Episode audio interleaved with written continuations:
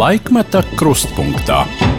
Esiet sveicināti Latvijas radio sestdienas pusdienlaikā skan raidījums Laikmeta krustpunktā pie mikrofona Arnēs Krause, producents Ilze Aginta. Nu, jau tā ir laba tradīcija. Kopš gada sākuma mēs ik sestdienu stundā no vieniem līdz diviem atkal satiekam kādu dzīves gudru un sava laikmeta pieredzes bagātu cilvēku. Līdz šim uz sarunu esam aicinājuši prezidentus un režisorus, juristus un literātus, ģenerāļus un komponistus. Šodien pirmo reizi šajā raidījuma ciklā man būs saruna ar kolēģi žurnālisti. Kolēģi, kur ārpus Latvijas noteikti ir zināmāka nekā dzimtajā Latvijā. Aija Kuģa 90. gados veikta dienas par Dienvidslāvijas karu ziņoja Radio Brīvība, Radio Svoboda. Aija ir piedzīvojusi savām acīm, ko nozīmē karš Eiropā arī 20. gadsimta beigās - naids, bumbu uzlidojumi, nāves un cik smeldzīgas ir kara sāpes un atmiņas. Aija ir dzimusi un augusi Latvijā, Valmieras pusē, Dikļos, bet ļoti lielu dzīves daļu pavadījusi Dienvidslāvijā, dzīvojot Belgradā. Aiz draugu lokā ir daudz krievu inteliģences pārstāvi, daudz žurnālisti, arī tādi, kuriem pēdējos mēnešos bija jāmūk no Maskavas. Un nu jau kādu laiku Aija ir atgriezusies savos dzimtajos dikļos, un tādēļ mēs šodien varam satikties šeit, Latvijas radionamā, Doma laukumā. Aija, es sveicinātu! Sveicināti! Klausītājiem atzīšos, nebija viegli pierunāt Aiju sarunai, jo droši vien atcerēties arī karā piedzīvot to nav viegli. Ja tu esi teikusi, ka pēc Dienvidslāvijas kara tu filmas par karu vairs neskaties, bet paldies, ka piekrīt sarunā. Īpaši tādēļ, ka mēs šodien pieredzam vēl vienu karu, karu Ukrajinā, un man ir svarīgi, lai Latvijas radio klausītāji tevi dzird, tavas pieredzes, tavu zināšanu, ja arī asās, asā prātu un asās mēls dēļ. Tā kā paldies par, par sarunu šodien. Ievadam Aija Es zinu, ka tas ir grūti, jo par tevi varētu grāmatu uzrakstīt, bet, eh, ja tev pašai divās minūtēs būtu īsi savu vizītkārti jāizstāsta klausītājiem, kas ir aija kuģa? Es domāju, ka es pats sev uz to jautājumu nevarētu atbildēt. Tātad nu, šobrīd aija kuģa ir no dikļiem, no laukiem, lauciniece, kura ir aizmirsusi visu savu mūžu dažādās lielās pilsētas, kur es pat uz Rīgu tāds skrienu ilgāk par vienu dienu izturēt nevaru, nu, izņemot uz koncertiem vai teātriem. Es dzīvoju savā lauku mierā un, un nevēlos vairs būt par publisku personu. Tātad, kas kāda dzīvē visādi pieturas punkti bijuši. Nu, tad es mācījos Dikļos, pēc tam mācījos Valmierā, pēc tam aizbraucu mācīties uz Maskavas Lomonosova universitāti. Es esmu psiholoģija. Pēc tam es apprecējos ar savu vīru, kurš bija nu, tajā laikā Dienvidslāvijas. Viņš bija džēza mūziķis. Tur es nodzīvoju 40 gadus. Man ir dēls, kurš pēdējos 20 vairāk gadus dzīvo Itālijā.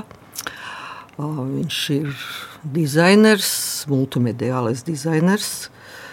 Nu, Tad, tagad es gaidu, kad dēls pārcelsies uz Latviju. Es negribu teikt, ka viņš atgriezīsies. Viņš nav ne dzimis, ne audzis, bet viņš, protams, ir Latvijas pilsonis un viņš zina latviešu valodu. Nu, cerēsim, ka nākošo pāris mēnešu laikā viņš jau, viņa dzīvesvieta būs Latvijā. Un liela tava dzīves daļa ir aizvadīta bijušajā Dienvidslāvijā, Belgradā, un arī svarīgs tavs dzīves posms ir žurnālistika, darbs Radio Svoboda un Dienvidslāvijas karš. Nu, tieši tāpēc es ar, īstenībā ar tādu karu žurnālistiku sāku nodarboties tikai tad, kad tur sākās karš. Jo īstenībā tā bija vislabākā, vienīgā īstenībā man izvēle ar kaut ko nopietnu nodarboties. Uh, Un, ja es tagad tā domāju, reizēm tas liekas briesmīgi to teikt, ka tas īstenībā um, tie Dienvidslāvijas visi tie kari, tas bija labākais laiks manā dzīvē. Tas varbūt izklausās pat nepieklājīgi, ja, kaut ko tādu teikt. Nu, tas bija ļoti intensīvs laiks, nepārtrauktais adrenalīns, nepārtraukti uh, uz visādiem kara laukiem braukt nu, un strādāt no, no rīta līdz rītam. Un tas bija, tas bija daudzus gadus arī pēc tam. Īstenībā varbūt pat grūtāk reizēm ir strādāt ne tieši kara laikā, bet pēc kara laikā. Jo tad ir vēl, jo pēckara laiks vienmēr ir ļoti, ļoti smags laiks. Daudziem cilvēkiem, vispār man arī no malas skatoties, likās pat varbūt, ka smagāks nekā pats karš, kur kaut kas notiek. Nu, nu, nu, tad, tad jau 2014. gadā es izvēlējos pārcelties uz Latviju, kuras vienmēr vēlējos to darīt. Un, un man vēl ar vienu tagad visi dikļu kaimiņi bija. Nu, kāpēc tu nebrauc dzīvot uz Rīgu? Es teicu, nē, es gribu laukos, kā es vienmēr gribēju. Nu, tur manā mamma kādreiz dzīvoja, tad es esmu no tiem dikļiem, un es nevienu brīdi to neesmu nožēlojusi. Tātad, ko es šobrīd nodarbojos? Audzēju puķus, kaut kur savā dārziņā, kaut ko tur rušidos. Un, un jaukākais tas pie manis daudz, ļoti daudz brauc ciemiņu, no, var teikt, no visas pasaules. Tā kā es īstenībā tagad esmu no dikļiem, aija no dikļiem. Man, jā, mani pat ir kādreiz arī, vēl jaunībā arī mani sauca dikļu aija. Nu, tad vēl par pa to visu vidu, tad es jau esmu 14 gadu dikļos. Es vēl apmēram gadus trīs, ar, vismaz ar vienu kāju nodzīvoju Parīzē. Un, ja es tad kaut kur braucu, tad tas arī tā, ka nu, vismaz reizes divos gados, uz pāris nedēļām vai, vai uz mēnesi aizbraucu. Uh, rudenī, lai pagarinātu vasaru, un, un pavasarī, orest aprīlī, lai, lai ātrāk sāktu to vasaru. Un tas, ko vēl dara Aina no Dikļiem, redzot sociālos tīklus, to ļoti aktīvi joprojām sako visām norisēm, kas notiek pasaulē, protams, arī šī brīža traģiskie notikumi Ukrajinā, bet runājot par karu, mēs eh, šodienas sarunā vairāk pieminēsim eh, bijušās Dienvidslāvijas karu, jo to tu esi pieredzējusi savām acīm. Un, uh, mūsu raidījumā ir tradīcija, ka mēs uh, atskaņojam arī dažādas arhīvu fragmentus. Tos dzirdēsim arī šodien, gan vairākas tavas reportāžas no Belgradas radio Svoboda ēterā. Tu esi ziņojis arī 90. gadu beigās Latvijas radio ziņu dienestam. Un atskaņosim arī vairākus fragmentus no dokumentālās filmas Brīvība tieši šajā ēterā. Tā tapa 2000. gadā filmu studija ģilde režisors Romualds Pipars. Un filmā ir eh, dokumentēta arī tavi darba gadi Belgradā. Mm, pavisam īss šīs filmas apraksts. Filmas anotācijā ir teikts, ka tā ir portreta filma par āju kuģi, inteliģentu apburošu latvieti, kas ir precējusies ar serbu. Raicacīs brīvība speciāla korespondenti. Brīdī, kad NATO gaisa triecieni Belgradai bija apagajā, viņa turpināja ziņot par notikumiem, par spīti Dienvidslāvijas slepeno dienestu pastiprinātai uzraudzībai un NATO bumbām. Aija bija pašos karstākajos Dienvidslāvijas konflikta punktos, jo viņa ir iemantojusi uzticību no visām konfliktā iesaistītajām pusēm. Aija uzskata, ka nevienu konfliktu nevar atrisināt ar represīvām metodēm, ieročiem vai asinspirti, jebkuras kara darbības rezultāts ir asaras nāve un postījumi. Tāds ievads filmai par tevi 2000. gadā, bet vēl pirms visām asarām, nāves un postījumiem es vēlos atskaņot fragment no šīs filmas, kur izcilais fotogrāfs Gunārs Binde filmā atminas tevi kā savu fotomodeli. Un stāsta, kā viņš iepazinās ar tevi Valmjerā 60. gada sākumā, un arī Aitu pati uh, dalies atmiņās par savu bērnību, jaunību. Mazs fragments no filmas Brīvība tiešajā etrā. Jaunībā galvenokārt draudzējos ar vīriešiem, bet tiešām draudzējos ar viņiem. Man viņi bija daudz interesantāki nekā varbūt mana vecuma meitenes. Noteikti, piemēram, Gunārs Binde, kas bija tik radošs cilvēks, kuram bija tāda milzīga enerģija. Viņš noteikti uh, man, uz mani atstāja lielu iespaidu. Un sevišķi tā, tajā laikā, kad es augu, tad mēs tomēr kaut kā tik brīvi uz pasauli neskatījāmies. Mums neuzdrošinājāmies, neatļāvāmies kaut ko. Gunārs visu ko atļāvās. Man viņa bija nevar būt kā modelis, bet katrā gadījumā kā meitene, kuru varēja nu, viegli, patīkami fotografēt. Viņa, viņa arī labprāt pozēja. Viņai bija tieksmes arī sakot, spīdēt ar savu, ar savu ārieni.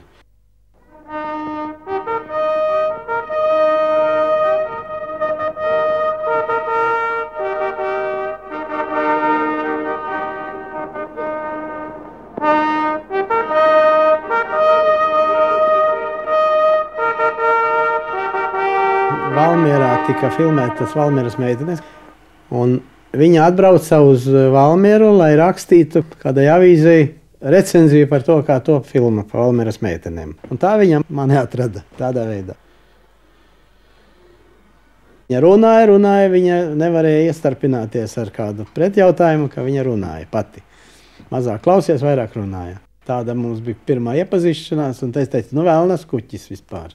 Pat klausīties toreiz, pirmā reize pat bija klausīties interesanti.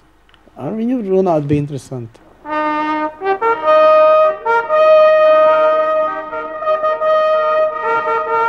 Viņa spīdēja tieši ar savu tādu, kā viņa gudri var pagriezt kādu problēmu. Toreiz viņa tajā runā ļoti daudz izstāstīja. Stāstīja par to, ka viņas ideāla serbu valodu viņa minēja, ka viņa šo valodu grib apgūt. Viņa jau toreiz jau to skaidri apzinājās, uz ko viņa iet. Viņa zināja, ka ies tālāk nekā, teiksim, dikļos paliks. Un viņa mērķiecīgi rīkojās. Viņas apbrīnojama kaujinieciskā komjaunietes, vai nu kā, nezinu, kā varētu toreiz apzīmēt viņu tāda enerģija, cīnītāja par, par, par saviem ideāliem. Vēlnas kuģis, ar kuru runāt bija interesanti, tā tev raksturo leģendārais fotogrāfs Gunārs Binde. Ar kuras vēl ar vienu draudzējos. Un daudz no taviem sapņiem realizējās. Arī, arī uh, serbu valodas apguve, kurā tu, es noprotu, runā tikpat labi kā latviešu valodā. Nu, jā, tā man ir tāda viena no, viena no manām trim paralēlējām valodām. Es pat domāju, ir tēmas, par kurām es domāju tikai piemēram serbiski. Un arī ar savu kaķu tu sarunājoties tikai es ar saviem dzīvniekiem vēl ar vienu, kaut un es vispirms jau kaķu un suņu es atvedu savā laikā no Belgradas šeit, un viņi bija veci, vairs jau viņi nav. Bet arī pēc tam ar, ar visiem es runājos, nu, automātiski tikai serbiski. Es domāju, ka viņi saprot. par uh, tavu Dienvidslāvijas posmu, par, par uh, dzīvi Belgradā un darbu Radio Brīvā Eiropā. Tad nu, sarunu arī turpināsim. Tas ir 1993. gads, kad es noprotu, tu sazinies vai ar tevi sazinās uh, Radio Brīvība cilvēki. Viens no šī radios, šīs radiostacijas žurnālistiem, Giovanni Bensi uh, no Minhenes, atbrauc uz Belgradu, tiekās ar tevi. Tā aizsākas uh, faktiski tava reportieris, tavs reportieris darbs Belgradā. Ja? Nu, negluži tā. Es jau īstenībā jau vairākus gadus pirms tam reizēm, kad man palūdza, es kaut ko uzrakstīju priekš Radio Svoboda. Un Giovanni eh, Bensi bija mums ģimenes draugs tūs. Nu, viņš vienmēr gribēja, lai es rakstu, jo vispār, eh, liela problēma bija bijušā Dienvidslāvijā, eh, jo uh, grūti bija atrast kādu žurnālistu, kas varētu krievu valodā tātad, kaut ko ziņot, jo uh, nu, bijusī Dienaslavija bija, bijušai Dienaslavija bija diezgan slikts attiecības ar Padomju Savienību.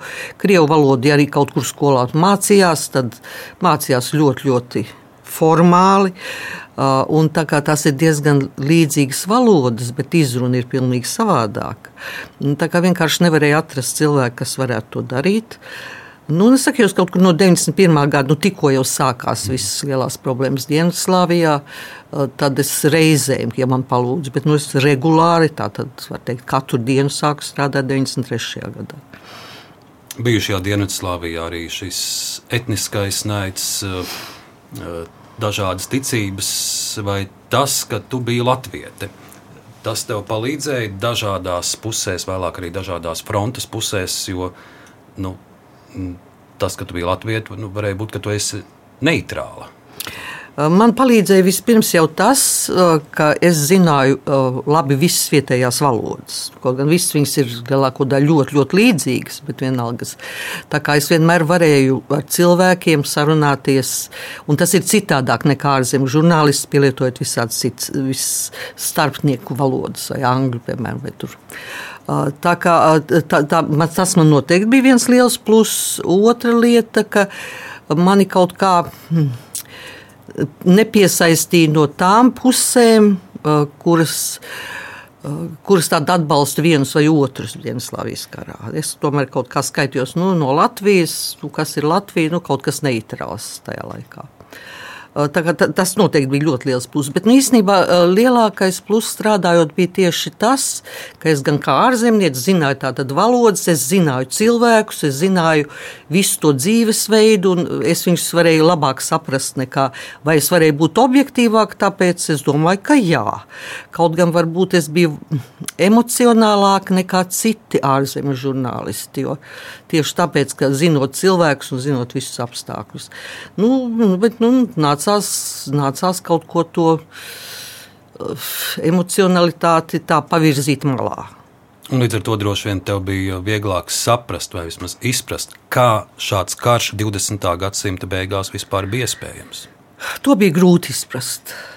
To bija grūti izprast. Viena valsts, kur vispār bija ļoti jauka bijusi, bijusi Dienvidslāvija Reizēm viss iedomājas, ka tas ir tāpat kā bija ar Padomu Savienību, kad viņi tur radās. Nē, viņi jau radās kā, kā Dienvidslāvija vēl karalistas laikos. Tātad tam nebija sakara nekāda ne ar Pirmo, ne ar Otro pasaules kāru. Uh, un tās tautas visas saku, praktiski gandrīz ar ļoti, ļoti nu, gandrīz vienādām, tai varbūt bija dialekti, valodas, kur katra tagad ir savu, savu valodu nosauks savā vārdā. Agrāk tā bija visiem kopēji, lielai daļai bija kopēji serbu, horvātu valoda. Tagad ir atsevišķi serbu, tad ir atsevišķi horvātu. Un, ja bija kaut kāda kā kopēja vēsture, tad tagad es vienu brīdi arī te bija vienā lielā Eiropas projektā un pētīju tieši, kā tagad jaunākajos laikos, pēckara laikos, kā izskatās skolēnu vēstures grāmatas. Viņas visur ļoti, ļoti atšķirās. Pat tajā nelaimīgajā Bosnijā, kur ir sadalīti divās daļās, nu, teikt, pat trīs, kur ir Sērbu republika, kur ir Bosnijas federācija, nu, kurai piekļaujas arī tas nelielais daudzums horvātu, kas tur dzīvo. Katram no viņiem ir sava skolas sistēma, un katram no viņiem ir savs vēstures grāmatas. Varat iedomāties, kā tas izskatās. Nu, tad jau ir pagājuši praktiski 30 gadi no tiem kariem. Nu, par karu runājot, mēs šodien noteikti pieminēsim Ukrajinu. Un, un, un Krievijas sākto karu ir salīdzināmas un nesalīdzināmas lietas, bet, ja mēs raugamies uz Dienvidslāvijas kara aizsākumu, tur droši vien arī bija pamanāms tas pats, kas Ukrajinā sākumā milzīga tāda naida kurināšana. Tad eh, tādu pašu pasludinātu līderu uzrašanās un, un pašu pasludinātas militāras vienības. Tā tas viss aizsākās. Dienvidslāvijā, un, un tā tas arī Ukraiņas austrumos 14. gadā. Nu, ne, nu, tieši tieši tāda ir ļoti, ļoti daudz tās paralēlas, kas ir ar Ukraiņu, vēl sevišķi salīdzinot ar ja, Ukraiņā no, no 2014. gadu. Varbūt šorīt jau viņas zūd. Kāpēc viņas zūd? Tāpēc, ka ja Dienvidslāvijas, es vienmēr saku ne karu, bet karus, jo viņi bija tomēr dažādi. Uh, Tur īstenībā galvenais, bija, galvenais mērķis bija etniskās tīrīšanas. Tā tad atbrīvot, piemēram, Horvātiju, atbrīvot tur, kur dzīvo piemēram, serbi, kur jau gadsimtiem dzīvoja, tā saucamā serbu anklāvos, tādos lielos, tad attīrīt tos no serbiem. Bosnijā bija tā, ka Bosnijas serbi, lai attīrītu, lai viņiem paliktu tāda teritorija, kur tikai viņi būs vienīgie serbi. Tas tās visas lielās problēmas. Tātad, vai nu iznīcināt cilvēkus, visus nolīdzināt līdz zemei. Nu, nu, tas tas viss, vis, katrs tā tad mēģināja uh, sev radīt etniski tīru teritoriju, un tur bija lielākā, lielākā nelaime ar to. Tur pat nebija tā, ka. Mm, kā piemēram šobrīd, ja salīdzinām ar Ukraiņas karu, kur tiks, tiek viss noslaucīts no zemes. Tur tomēr centās, nu, izņemot Sarajevu, kur bija blokādē ar gadiem, kur, kur tika daudz apšaudīti, bet nu, viņi arī ne, nebija infrastruktūra tā iznīcināta, kāda kā, nu, šobrīd notiek Ukrajinā. Bet, bet tas, tā naida kurināšana. Tā no visām pusēm bija Dienvidslāvijā, ieskaitot tur visur vienmēr piedalījās baznīca, baznīcas, reliģijas dažādas. Uh, Tā, tā bija tāda pati, tā kara propaganda bija tāda pati. Un tas, tas kurš radīja to milzīgo naidu, nu, kurš varbūt tagad jau ir tā mazliet noplacis, bet tas viss paliek visiem atmiņā. Un, un, un to naidu vēl ar, tas naids vēl ar vienu pastāv uh, jaunatnes vidū, kur vispār tos karus neatcerās. Mēs turpinājumā paklausīsimies vairākas tavas reportāžas no Belgradas. Protams, tās ir neskaitāmas un daudzas ar vienu ir atrodamas Radio Svoboda arhīvā. Ievadā mazs, kā mēs radio sakām, jingls no ziņu ievada. Un patiesi kara laikā tavas reportāžas ļoti milzīga auditorija dzirdēja gluži vai katru dienu. Говорит Радио Свобода. В Москве 6 часов вечера. У микрофона в пражской студии «Радио Свобода» Тенгиз Гудава.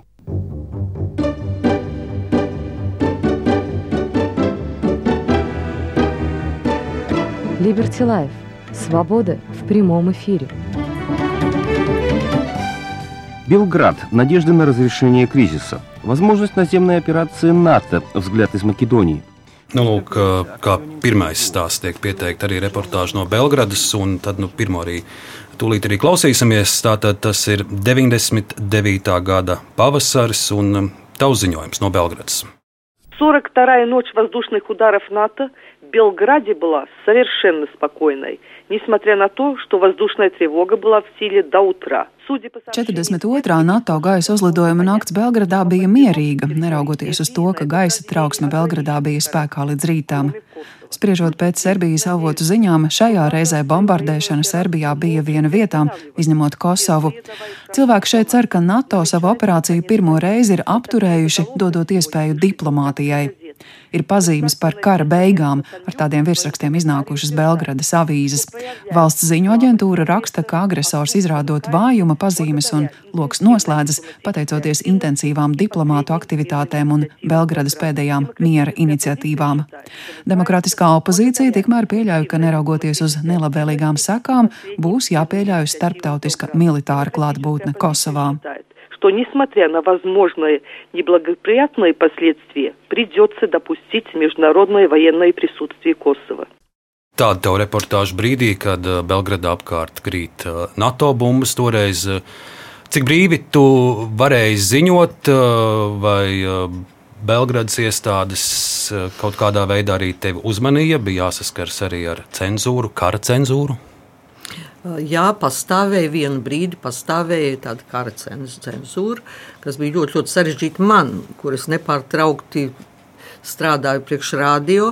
Tātad tie patiešo jāpieslēdzās, kaut kas ir jārunā. Un tad tika pieprasīts, lai visu, ko tu uzraksti, tas bija jāuzraksta un jānes pie, pie, pie tāda militārā cenzora. Nu, bet nu, īstenībā tas bija diezgan vienkārši. Nu, tas varbūt, es nezinu, varbūt kādu nedēļu tur gāju. No rīta aiznes kaut kādu, vēl izlabot kaut kādu tekstu. Cilvēks paskatās, protams, ir krievu valoda nezinot, ja parakstu un es eju mājās. Tā kā es dzīvoju diezgan tuvu, man tas nebija liels laika kavēklis. Uh, nu, bet vi, es domāju, ka ne, tajā brīdī arī arī nu, mūsu radio brīvā Eiropa brīvība, radio uh, brīvī, brīvā Eiropa, tāda serbu un horvātu redakcijas, tad viņas daļai tika slēgtas, tāpēc, ka serbu žurnālisti, kas no Belgradas strādāja, viņi visi atteicās turpināt darbu NATO bombardēšanas laikā, jo dažādi radikāļi tika draudējuši, ka ne tikai viņus pieliks pie sienas, bet ar visām ģimenēm. Nu, es to neņēmu vērā, es turpināju strādāt. Tā tad, eh, tas bija, tas bija īstenībā grūtāk nekā man kaut kur strādāt no Bosnijas, kur lielākas visas asins izliešanas visas bija. Tāpēc, ka ir cita sajūta, ja, tu, ja tev pāri mājai skrien tās raķetes un, un, un, un ja kaut kas, ja tu dzirdi tos sprādzienus, kur man vistuvākais bija kaut kādi 500 metri no manas mājas, tas dzīvojas arī pašā centrā, kur tāda televīzija tika ar, ar tālvadām raķetēm sabumbota. Bet uh, No otras puses, atšķirībā kā, kā piemēram šobrīd Krievija, kā uzbruk Ukrainai, tur tomēr ne, ne, mērķi nekad nebija mērķi tie, kas ir, kur ir civiliedzīvotāju mājas. Kaut gan arī bija cieta, ir cieta jau arī civiliedzīvotāji. Civiliedzīvotāji cieta, bet man šeit, piemēram, ir dati. Ja? Tātad, NATO bombardēšanas laikā, tas bija nepilni trīs mēneši, bojā Serbijā un Kosovā gāja 754 cilvēki.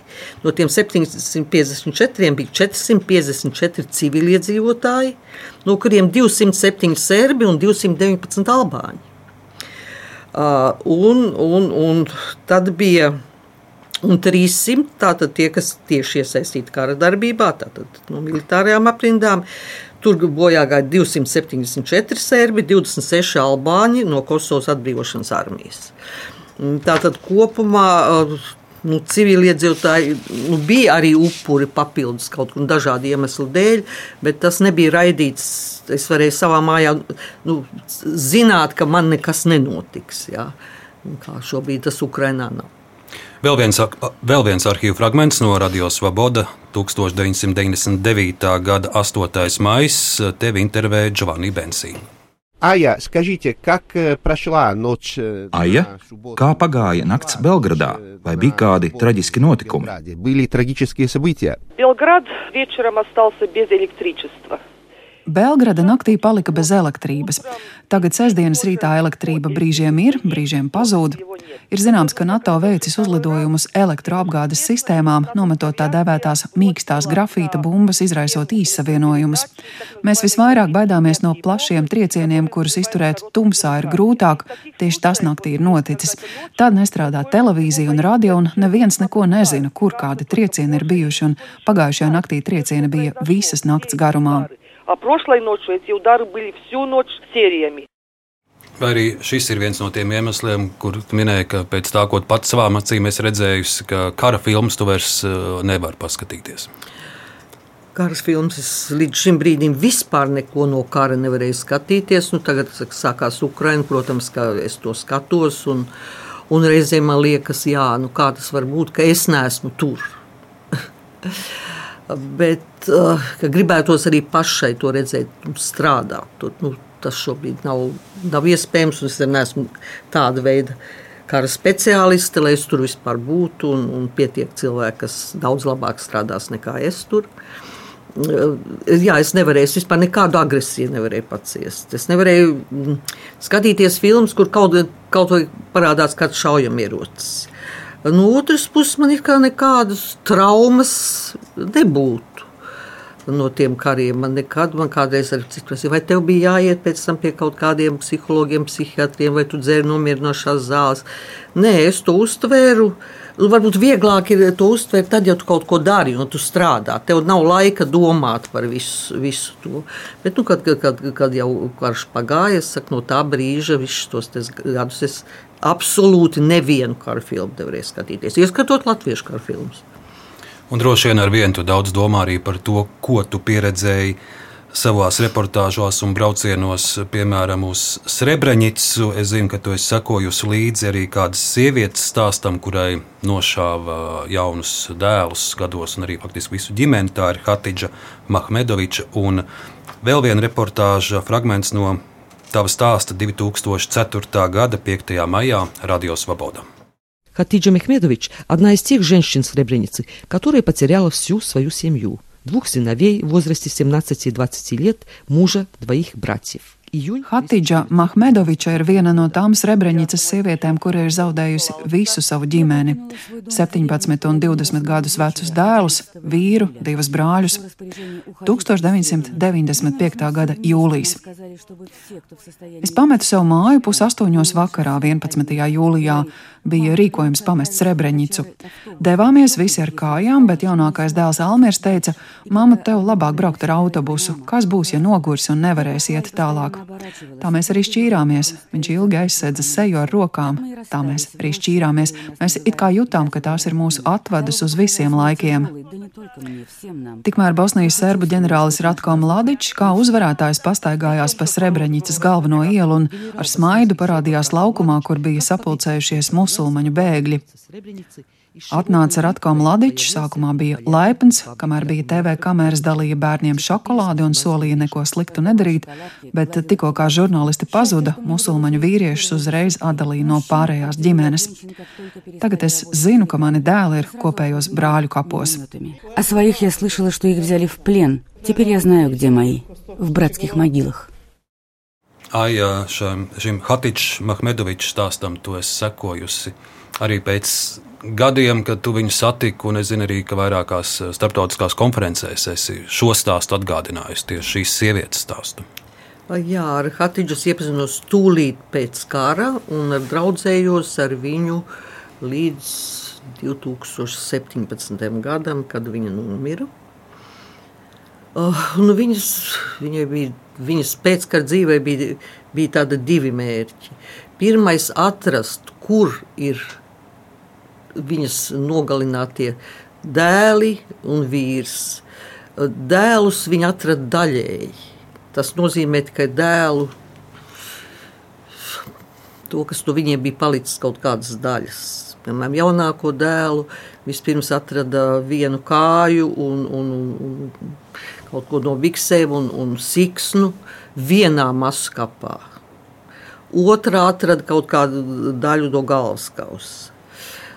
Vecāko dēlu atrada diezgan labā stāvoklī tad arī masu kapos, jo serbi tajā laikā tas Srebrenis tas bija genocīds. Tur tika nogalināti vienkārši tā, paņemti gūstā un nogalināti nu, vismaz 6000 vīriešu, galvenokārt vīriešu, arī pat pusauģu. Nu, līdz, šim ir, līdz šim par šo laiku ir atrasts tikai, tikai daļēji. Ir atrasts, es ne, neatceros īsti, cik masu kapos ir uh, Mm, atklāt nu, kaut kādu 4, 4,5 tūkstoši. Tas, kas ir palicis no viņiem pāri, un, un tas ir. Un vēl ar vienu tādu pastāv kaut kādas 20 vietas, kas vēl nav līdz galam apsekotas. Viņus visus nevar atpazīt, jo tas ir ļoti sarežģīts process. Jo nu, viņiem bieži nekas pāri nav palicis. Un es ar Hatidžas tiešām draudzējos. Viņa nodarbojas ar to, ka viņa mēģināja sa sameklēt savējos, palīdzēja visiem pārējiem. Un ļoti daudz, uh, viņa bija viena no tām Srebrenicas mātēm, kur tiešām cīnījās par mieru. Viņa pilnīgi normāli brauca uz Serbiju, kur uzstājās. Un teica, ka mūsu bērni ir visiem, visas pasaules bērni, kopēji bērni. Mēs nedrīkstam, lai tas atkārtotos. Nākamā epizode, kuru noklausīsimies, būs atkal no filmas Brīvība tiešajā eterā. Un, tajā ir dokumentēts, ka tu atminies vienu savu epizodi no, no kara laika, kad tu atradies Sarajevā. Paklausīsimies! Nekad neaizmirsīšu. Bosnijas kara laikā reizes Sarajevas apkārtnē bija ļoti nopietnas apšaudas un viss tas, un es biju Sarajevā. Un pēc tam Tur apkārtnē uz vienu krustojumu centos ar autostopu. Kaut kur tik tālāk bija vakars, kaut kur septiņi vakarā, jūnija sākums. Viss apkārt zied. Klusums tikai kaut kur snaiperis, tāda asa skaņa. Tup! Es stāvu uz tā krustojuma un mēģinu noķert kādu mašīnu. Un tas skatos blakus ir pasakains margrietiņa lauks. Viss balds zied.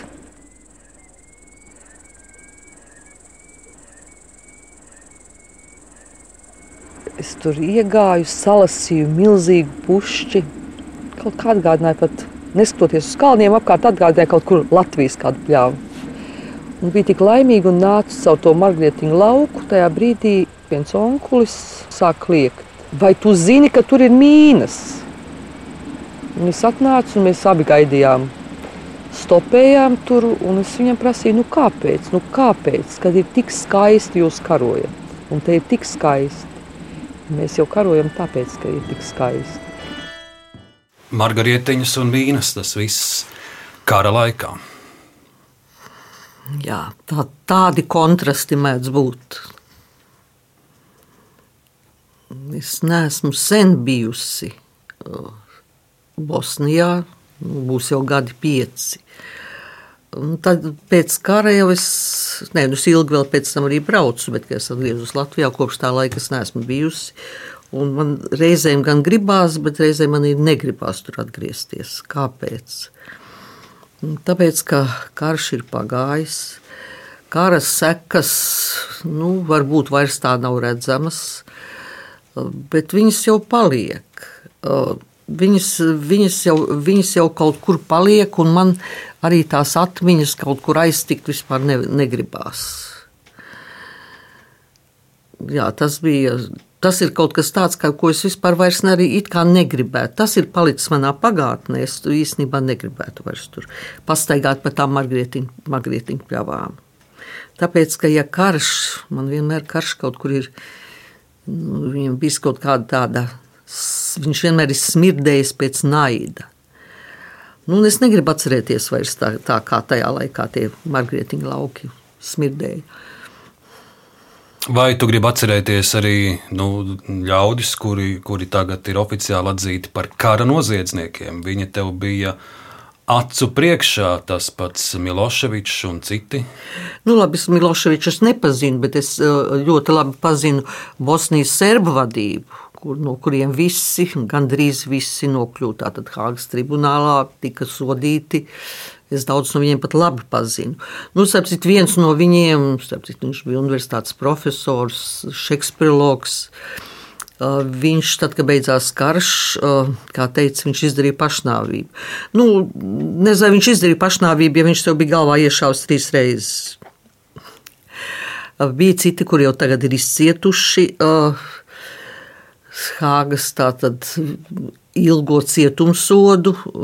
Ar viņiem es neesmu tikusies, kaut gan es dažus es pazinu pa, personīgi pat pirmskar, no pirmskara laikiem. Nu, es viņus nevēlos redzēt.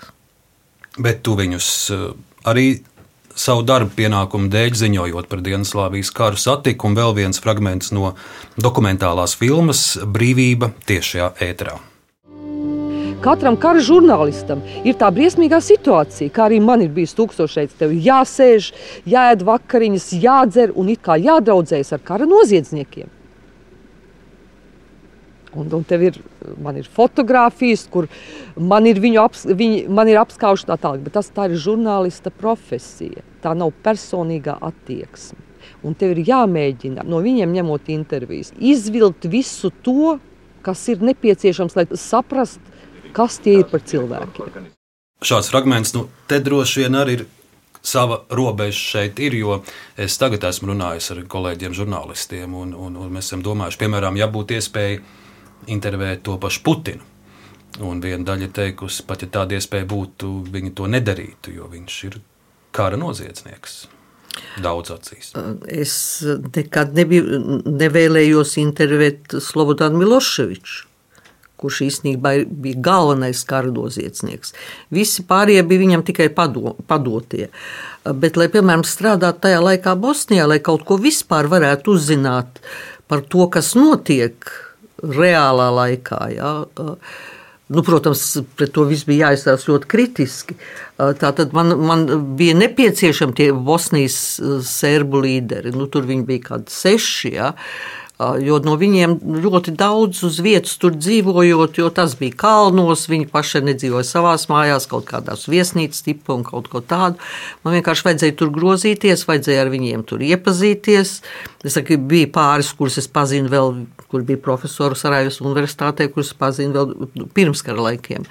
Nu, tas, tas bija īstenībā ļoti, varbūt Nē, es ļoti daudz no viņiem varēju uzzināt, bet arī bija fakts tāds, ka vienu daļu eh, no tā es nedrīkstēju tajā reālā laikā, pat kaut ko uzzinot uz priekšu, eh, ziņot savā radio. Es vienkārši es varēju kaut ko jau nojaust, es varēju kaut ko zināt, bet tad, kad tas notika, tad jau man viss bija, visa informācija man bija. Nu, tas bija nepieciešams, citādi strādāt nebija iespējams. Vēl viena interesanta epizode no filmas Brīvība tieši ēterā. Es teikšu, godīgi, tā man pārsteidza. Es tādu faktu, protams, nezināju. Bet uh, šajā filmā ir dokumentēts notikums, kur tātad tas varētu būt 90. gadu otrā puse, 90. gadu beigas. Belgradā uh, viesojas uh, no Latvijas mazie dejotāji, zelta sietiņš, ir koncerts, un koncertu vēro. Es tādu fonā arī uzlikšu klausītājiem, pastāstīšu, ko, ko es redzu. Tātad koncertu vēro uh, arī Slobodans uh, Miloševičs, un, un šeit ir dējas, un viņš pēc uh, koncerta pienāk pie Latvijas dejotājiem un cieši viņus samīļo. Mm, arī, arī, arī šāda epizode, un arī tu tur esi klāt, izstāsti, kas, kas tas bija par notikumu. Nu, tas arī Kara noziedznieks Miloševičs un zelta sietiņš kaut ko tādu kopā. Es nebiju mm. iedomājies, ka es tā ie- ieraudzīšu. Tas bija, tas bija bērnu festivāls, kurš ir viss. Ir, tas ir Eiropas līmeņa bērnu festivāls, kurš katru gadu notika Belgradā. Tad, manuprāt, jau kaut kādā 20 no 25 reizi. Nu, nu, Latvijas zelta sietiņš arī tika ielūgts. Nu, tur sabrauca, tas bija kara laiks, bet nu, tur sabrauca arī. Uh, tad jau Bosnijas karš bija beidzies, bet vēl nebija uh, Kosovas karš tikko tikai sākās. Uh, un, un, un zelta sietiņa, un tā kā bija atbraukusi arī filmēšanas grupa, tā pie manis, tad viņi ļoti lūdza, ka viņi gribētu man nofil, nofilmēt kopā ar Slobodānu Miloševiču. Uh, un lai es tur vispār, man tur, kā žurnālisti, es tur iekšā netiktu noteikti uz to koncertu, jo bija zināms, ka būs Slobodāns Miloševičs, un tas arī tā, tajā brīdī bija propaganda, redz, mēs dzīvojam pilnīgi normāli, un kāpēc mēs, mums NATO te draud. Un tad, es, uh, un tad man, man vienkārši lūdza, lai, nu, lai, lai es kaut kur būtu blakus Slobodānam Miloševičam. Nu, un es, protams, arī ar savu kokteili tur biju, ar savu glāzi tur piegāju blakus. Protams, ar viņu neko arī pat nerunājos. Man ļoti žēl, ka filmā nav viens kadrs, kur, kurš kaut kad arī bija, kur es ar tādu pretes, preti, pretīgumu izjūtu uz viņu skatos. Kāpēc tas nav pilnīgi droši vien, ka nejauši tieši tas. Un tad, uh, un tad pēc tam uh, filmas veidotāji prasīja Eiropas naudu un aizsūtīja kaut kādu mazu gabaliņu no tā, kas jau bija nofilmēts, kur es stāvēju arī blakus. Tieši tas, kas te ir Slobodam Miloševičam. Un nauda tika atteikta. Uh, Tāpēc un, un, un, un tāda arguments bija tāds, ka neviens normāls, godīgs žurnālists nevar stāvēt blakus Slobodam Miloševičam. Tas vienkārši ir neiespējami. Tā tad iznāca, izrādījās, ka es kā būtu Slobodam Miloševičs žurnālists. Nu tā, nē, nu, tur nekādas emocijas, protams, nebija. Bija interesanti skatīties, jo bija, tas bija oktobris, un tie bija pirmie jau tie. Var teikt, ka bija jau zināms, ka noteikti būs NATO uzlidojumi, ja Kosovo viss neapstāsies. Tas bija brīdis arī, kad mans dēls aizbrauca mācīties uz Itāliju, jo viņš arī nedrīkstēja palikt. Tad man nācās viņu evakuēt.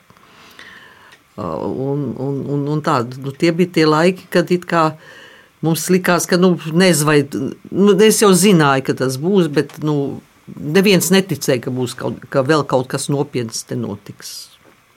Kā nākamo mēs noklausīsimies uh, tavu reportāžu, uh, kuru tu sūtīji uz Latvijas radio ziņdienestu 2001. gada fragments, bet, bet vēl pirms tam uh, tas, ko es esmu dzirdējis, ka tev ir bijis ļoti sāpīgi tādas, varbūt no tieši no latviešu publikas, dažkārt tajos laikos zēlīgas piezīmes dzirdēt, nu jā, cik tad aija kuģi var būt objektīvi, pati dzīvo Belgradā, serbu vidū, vīrs serbs, cik tad viņa var būt objektīva? Tev, tev dzēla šādas piezīmes?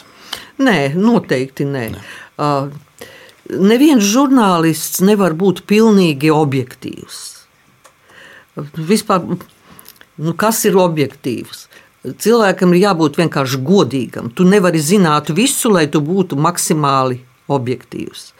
Un, ja ir iespējas, un kara laikos bieži tas nav, visu pārbaudīt no dažādiem avotiem, nu, reizēm tas nu, galvenokārt tas nav iespējams. Vienkārši nē, man, man tas vispār neuztrauc.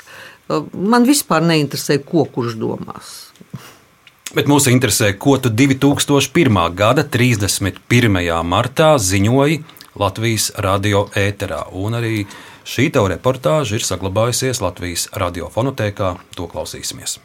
Belgradā žurnālistu aprindās piekdien sāka klīst baumas, ka sestdien tikšot arestēts Slobodāns Miloševičs.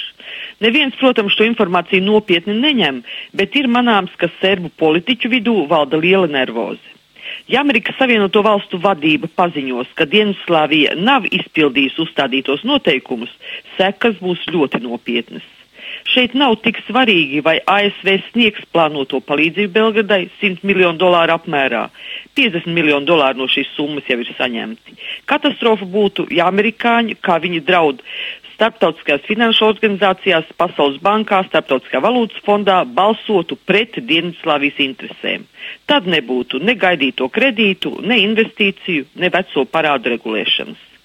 Pašreizējos sociālajos apstākļos Serbijā tas izraisītu smagas sekas, un iespējams jaunā Belgradas vadība ātri vien zaudētu varu. Amerikas Savienoto Valstu galvenās prasības ir trīs cilvēku tiesību un mazākumtautību tiesību ievērošana. Šajā punktā ir manāms liels progress. No Serbijas tiek prasīts arī neatbalstīt serbu ekstrēmistus Bosnijā. Oficiālā Belgrada paziņo, ka arī šī problēma tiek risināta pozitīvi. Atlicis ir pats svarīgākais noteikums - pilna sadarbība ar Startautisko Hāgas tribunālu. Pēc pēdējo sabiedriskās domas pētījuma rezultātiem 82% Serbijas iedzīvotāju uzskata, ka Slobodanam Miloševičam jāstājas tiesas priekšā. Puse aptaujāto piekrīt Miloševiča izdošanai Hāgas tribunālam, bet viena trešdaļa ir kategoriski pret.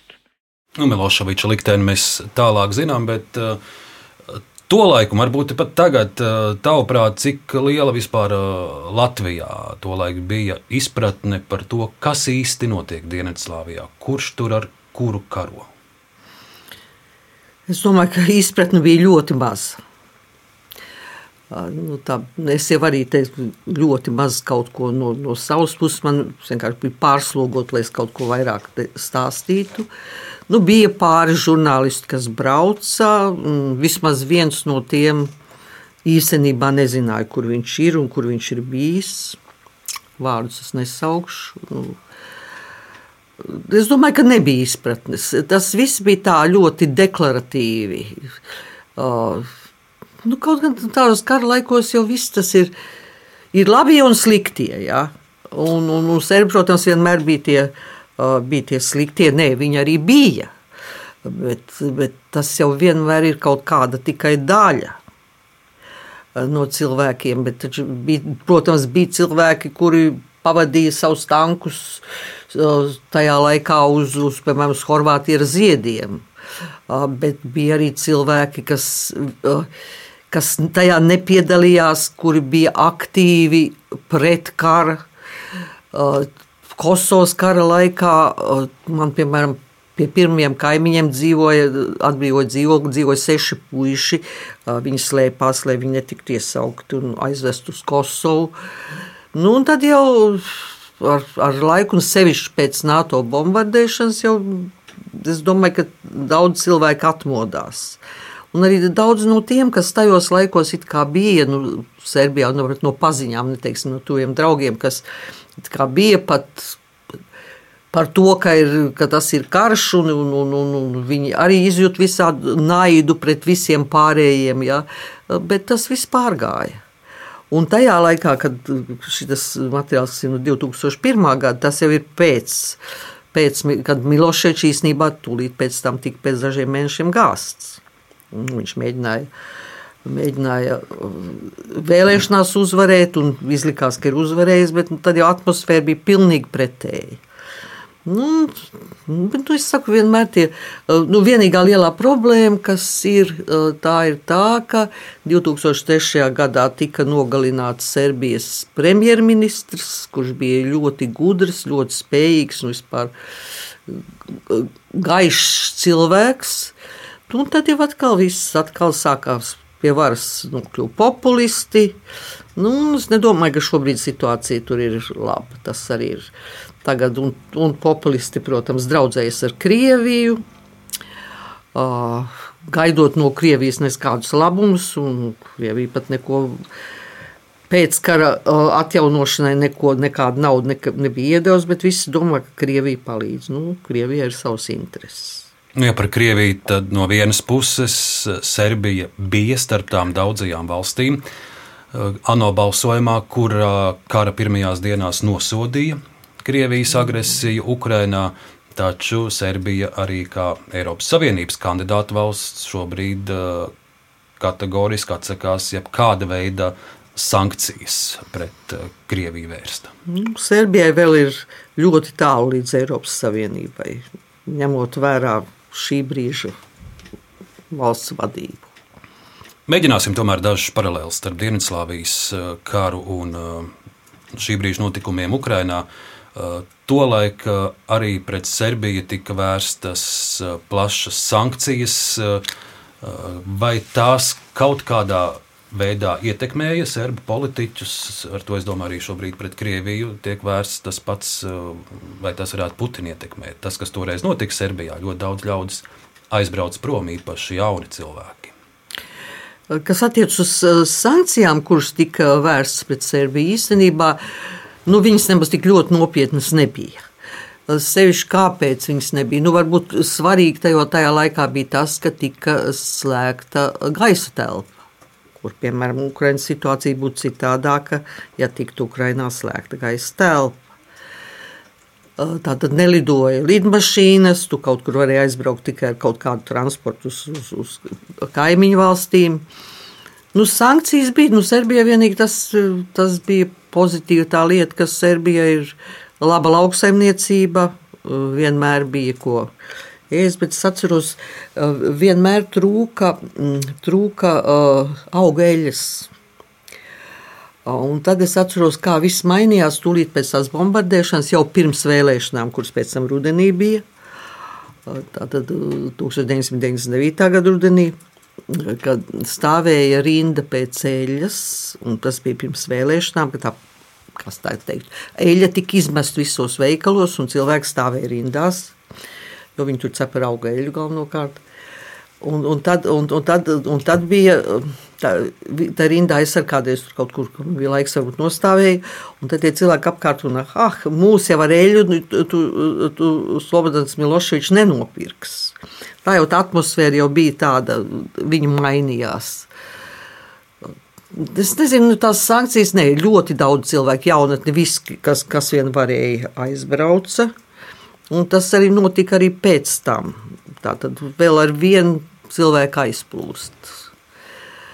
Tie, kas ir palikuši, saku, es jau pieminēju to, ka jaunatne ļoti jocīgi tā, ka ir viena daļa jaunatnes, kura it kā atcerās visādus aizvainojumus bombardēšanas dēļ un kara dēļ, kur vispār tajā laikā bija mazi bērni vai vispār vēl nebija piedzimuši.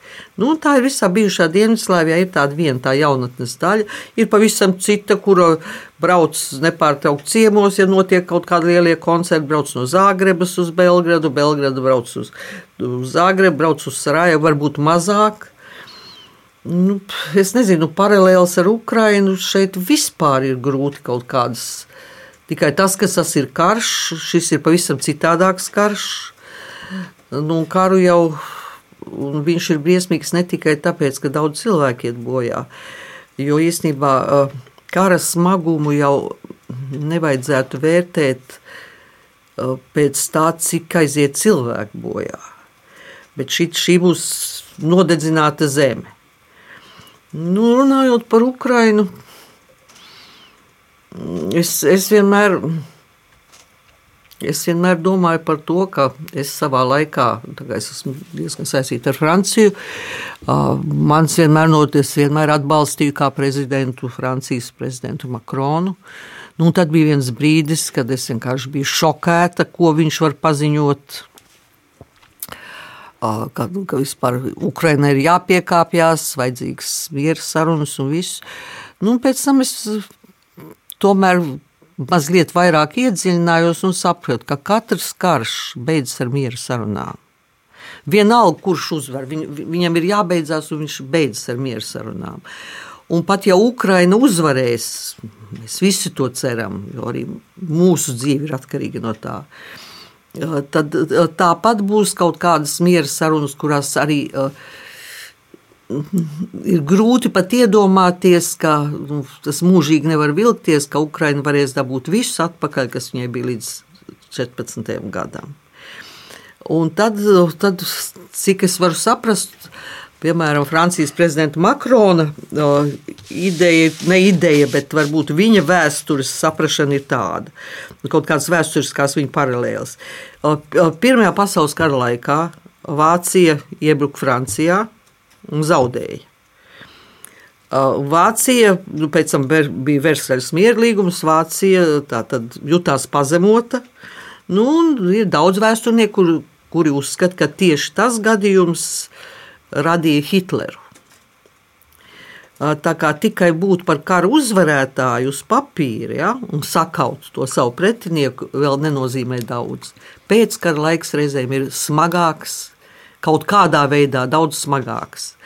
Jo tas, ko cilvēki gaida, tad, kad būs miers, tad tas būs vēl ilgs, ilgs periods, par kuru mēs nezinām, kā visu atjaunot, kā dzīvot. Nu, Ukrainā cilvēki daļa taču aizbrauks, un vēl vairāk aizbrauks. Daļa atgriezīsies, bet liela daļa neatgriezīsies.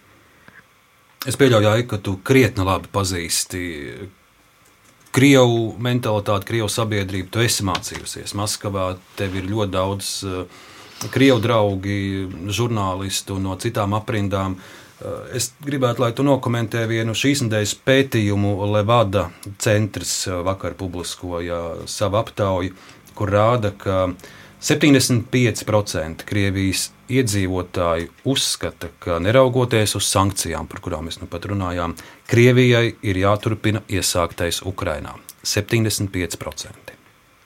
Es, daudz. Es, tas ir ļoti daudz, bet es ticu. Nu, Sevišķi, ja Levādas centrs to ir pētījis, tad, tad tam vajadzētu ticēt. Uh, mana pieredze ir tāda, nu, labi, varbūt tie cilvēki, krievu valodīgie, vai arī krievu tautības, kas ir gan Krievijā, gan, protams, viena daļa ir Latvijā. Nu, tie cilvēki pieder kaut kādam, kā tagad saka, manam burbulim. Jā. Viņu vidū Nu, varbūt ir klusējošie cilvēki, kurus es neredzu un nedzirdu, bet no tādiem, kurus atklāja, kas, kas it kā neklusē, uh, vissliktākajā nozīmē, ir man viena, neteikšu, ka to draudzene, bet nu, katrā ziņā ļoti jauka paziņa, izglītot jaunu sievieti ar trim bērniem, ar ļoti bagātu vīru. Uh, pati arī raksta grāmatiņas, un, nu, un savā laikā pat saņēma Amerikas stipendiju un vienu brīdi mācījās Amerikā. Un tagad es pirms varbūt pirms mēneša, Facebookā izlasu, ko viņa raksta. Ar ļoti, ļoti lielu atbalstu no viņas visādiem draugiem, kurus nepazīstu. Viņa raksta tā, ka, ka, kā vispār tas var būt, kādas sankcijas mēs pie kā neesam vainīgi. Tāpēc, ka tātad rietumi grib uz mūsu rēķina iedzīvoties. Man tur kaut kāda draudzene kaut kur iemaksāja Netflix, tad Netflix slēdz, naudu mēs atpakaļ nedabūsim. Mums tā tad, es zinu, firmas, kuras ir pasūtījušas kaut kādas preces, naudu viņi atpakaļ nedod, tās preces nesūta. Tātad ar kādām tiesībām rietumi iedzīvojās mūsu naudā. Nu, es viņai uzrakstīju, es viņai uzrakstīju privāti Protams, tā diskusijā, kur tika ļoti atbalstīta, ja, viņai ir plašs paziņu lokus. Es tajā diskusijā nepiedalījos, es viņu uzrakstīju privāti. Un, un, un, un viņi man atrakstīja, ko gan tu gribi? Man ir trīs bērni. Tas bija viss. Un pēc tam viņa savu, savu Facebook slēdza. Nu, bet man ir tā liela laime, ka varbūt es vairāk tiešām draudzējos ar viņu ar krievu inteligenci. Nu, nav svarīgi man liekas, teikt pat krievu, krievu valodīgo. Nu, bet, eh, un, un es vēl ar vienu neesmu atradusi atbildi uz to jautājumu, cik tālu var iet sankcijas, ja viņas arī. Eh, vai viņas ietekmēs parastos cilvēkus, vai var notikt kaut kas pilnīgi pretējs. Tā saliedētība, kas radās tāpēc, ka tu jūti, ka arī tev uzbrūk kaut gan it kā tu neesi tajā tajās Putina pusē. Mm, to ļoti, ļoti grūti pateikt. Tas, tas, tas reizēm nav taisnīgi. Nu, tad tas jautājums, cik tālu iet katra cilvēka atbildība un cik viņš, pie, cik viņš pie tā viss ir vainīgs ar to, kas notiek ar Krieviju. Vai tu esi vaicājis sev, cik tālu ies Putins? Aha. Es esmu vaicājusi, uh, es esmu vaicājusi, bet uh, tā, tur ir pārāk daudz nezināmo. Mēs nezinām, vai uh, viņa veselības stāvokli un viņa vispār attieksme, vai viņa vispār ir kaut kāda attieksme pret realitāti. Otra lieta, ka mēs nezinām pat par to, kas attiecās uz, uz kodolieročiem. Es esmu pilnīgi pārliecināta, nu, varētu teikt, par simt procentiem, ja, ka, ka ka viņš tos vismaz pret mums nepielietos. bet es neesmu pārliecināta par tūkstošu procentiem. Un mums katram ir jāsaprot, ka karš Ukrainā nav karš, nu, nav karš tikai pret Ukrainu. Tas var atnākt arī mūsu mājās. Un tieši tāpēc ir briesmīgi skatīties, ka Latvijas sabiedrība pat šajā gadījumā ir šķēlusies. Nu, ja viņi šķēlās, un tas nav tikai no vietējie krievi un, un, un latvieši. Tā ir arī daļa la, tieši latviešu sabiedrības. Nu, tas jau sākās, protams, Covid laikā. Nu, tie ir visi tie, kuriem ir Latvija neizdevusies valsts. Bet nu, tie arī visi tie cilvēkiem, kur ir kuriem ir neizdevušās dzīves, kur visu sagaida no valdības, no valsts, it kā no tevis nekas nebūtu atkarīgs pašs. Nu, nu, nu, tas ir tāpēc es vispār negribu par Latvijas iekšpolitiku, ne par ārpolitiku, man ir daudz labāks domas. par Latvijas iekšpolitiku man vispār negribas runāt. Es, man reizēm liekas, ka es tur neko nesaprotu. Nu, galvenās lietas, ko tu nesaproti, kaut pāris mini, kaut vienu.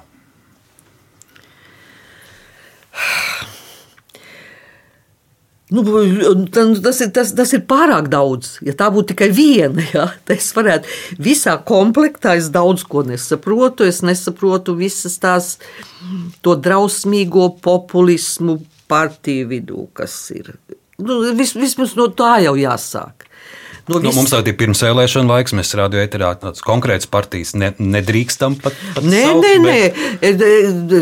Es vispār prasīju, ah, kad, kad es atgriezos Latvijā, man bija uh, vismaz divi piedāvājumi iesaistīties divu partiju darbā, jā, ar, ar ļoti skaistiem solījumiem, ka es jau nu būšu tā, kas var kaut par kaut ko varētu cīnīties. Es, protams, kategoriski, es pārāk labi zinu, kas ir politikas, kategoriski atteicos. Uh, nu, tagad, ja nē, nu, man kaut kāda jēga par to ir, kas ir kura partija un, un, un kas tur notiek. Bet, mm, Bet, bet tas ir to kādu... vārdu populisms. Jā, tas absolūtais populisms un, un makšķerēšana tādā saduļotā dīķī, kur es, es tam ūdeni cauri neredzu.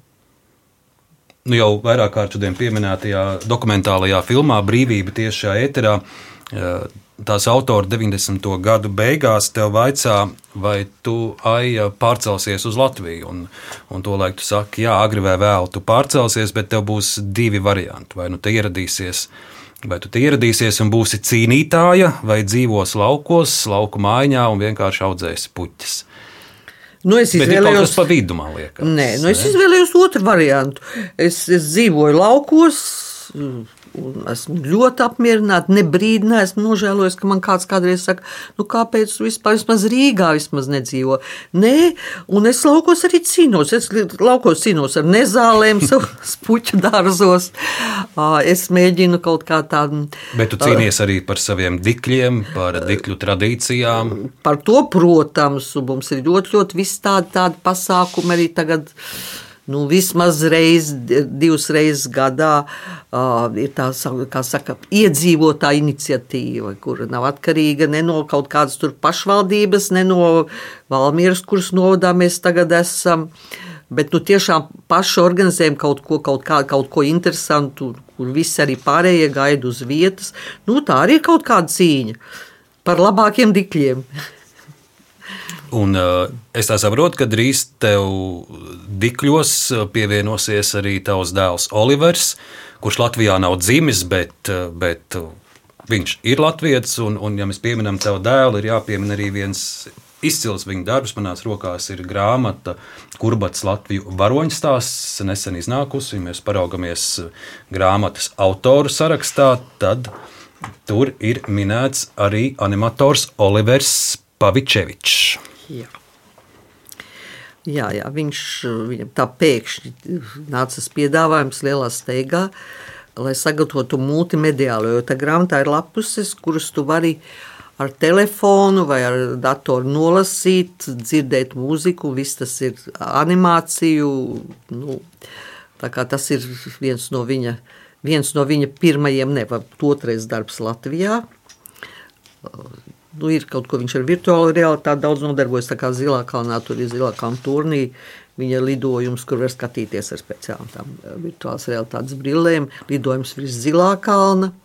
Nu, tagad arī tur ir kaut kādas idejas, tādu paplašinājumu. Nu, katrā ziņā darba viņam arī Latvijā būs daudz, bet nu, viņam jau pilnīgi ir vienalga, kur viņš sēž ar savu profesiju. Un tā kā Latvijā un pat Dikļos ir daudz labāks internets un, un daudz ātrāks nekā tas ir viņam Milānā, tas arī ir, tas ir ļoti pozitīvi un tieši tāpēc, tāpēc viņš arī, nē, nu viņš vienmēr ir sevi, tas ir interesanti.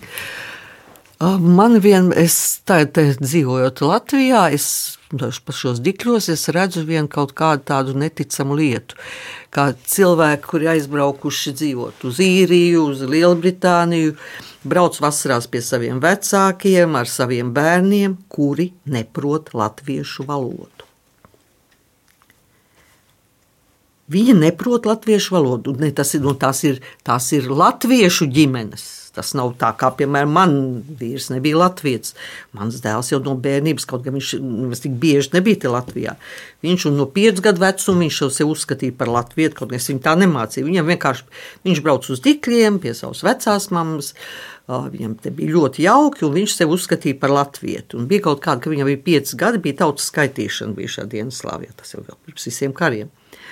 Un tad, un es, es tad nebiju mājās, bet bija mājās viņš un mans vīrs. Un tur redzēja, ierakstīt tautību. Pat, pats varēja ierakstīt tautību. Un viņš piecus gadu vecumā pieprasīja, ka, viņ, ka, viņš, ka viņam ir jāieraksta, ka viņš ir latviečs. Tā, kā, tā, tā bija kaut kāda viņa izvēle. Nu, jā, un, nu, nu, nu, tajā vecumā viņš arī sāka ar mani reizēm, vismaz vienu, vienu gadu runāja ar mani, ļoti kategoriski runāja latviešu. Ja es ar viņu, mēs mājās runājam serbiski, bet ja es ar viņu runāju, ja es ar viņu runāju serbiski, tad viņš nerunā man tajā valodā, jo viņš teica, ka viņš atbrauc uz Latviju katru gadu, un tad viņš jau valodu ir aizmirsis, un viņam ir grūti pirmās dienas ar draugiem runāties. Un tā viņš līdz šim brīdim runā latviešu. Un arī sarunas noslēgumā mēs daudz šodien esam runājuši par karu, par šausmām, par tavu pieredzēto, bet kas ir, kas ir tie skaistie mirkļi? Varbūt kāds tāds pēdējais, skaistākais brīdis, iedvesmojošākais, ko tu esi piedzīvojis? Nu, varbūt pat šodien pēc sarunas mūsu es zinu, ka tu ies pie, pie savas labas paziņas aktrises Gunas Zariņas. Ar būs skaisti brīži satiekoties. Jā, ne, nu, skaisti brīži vienmēr man ir ar maniem draugiem, ar tuviem cilvēkiem. Un man ir, kā jau pieminēju, man ir pilnīgi vienalga, kādā valodā viņi runā. Es arī zinu daudzas valodas. Un, un, un visi man jaukākie brīži ir saistīti tieši ar, ar jaukiem, mīļiem, tuviem cilvēkiem, ar maniem draugiem. Un, ja vēl viņi atbrauc pie tevis ciemos, tad nu, obligāti es ciemos pati nemīlu braukt, bet es ļoti mīlu uzņemt ciemiņus. Tātad braucat pie manas ciemos uz dikļiem. Tā žurnāliste Aija Kuģa, Aija, liels paldies tev šodien par sarunu. Paldies. Raidījuma autora Arnēs Krausa un Ilza Ginta par skaņu rūpējās Nora Mitspapa un Rēnis Budze. Lai plādējiet jauno Latvijas radio lietotni un klausieties mūs arī savā vietā, runī, jebkurā laikā un vietā. Uz tikšanos!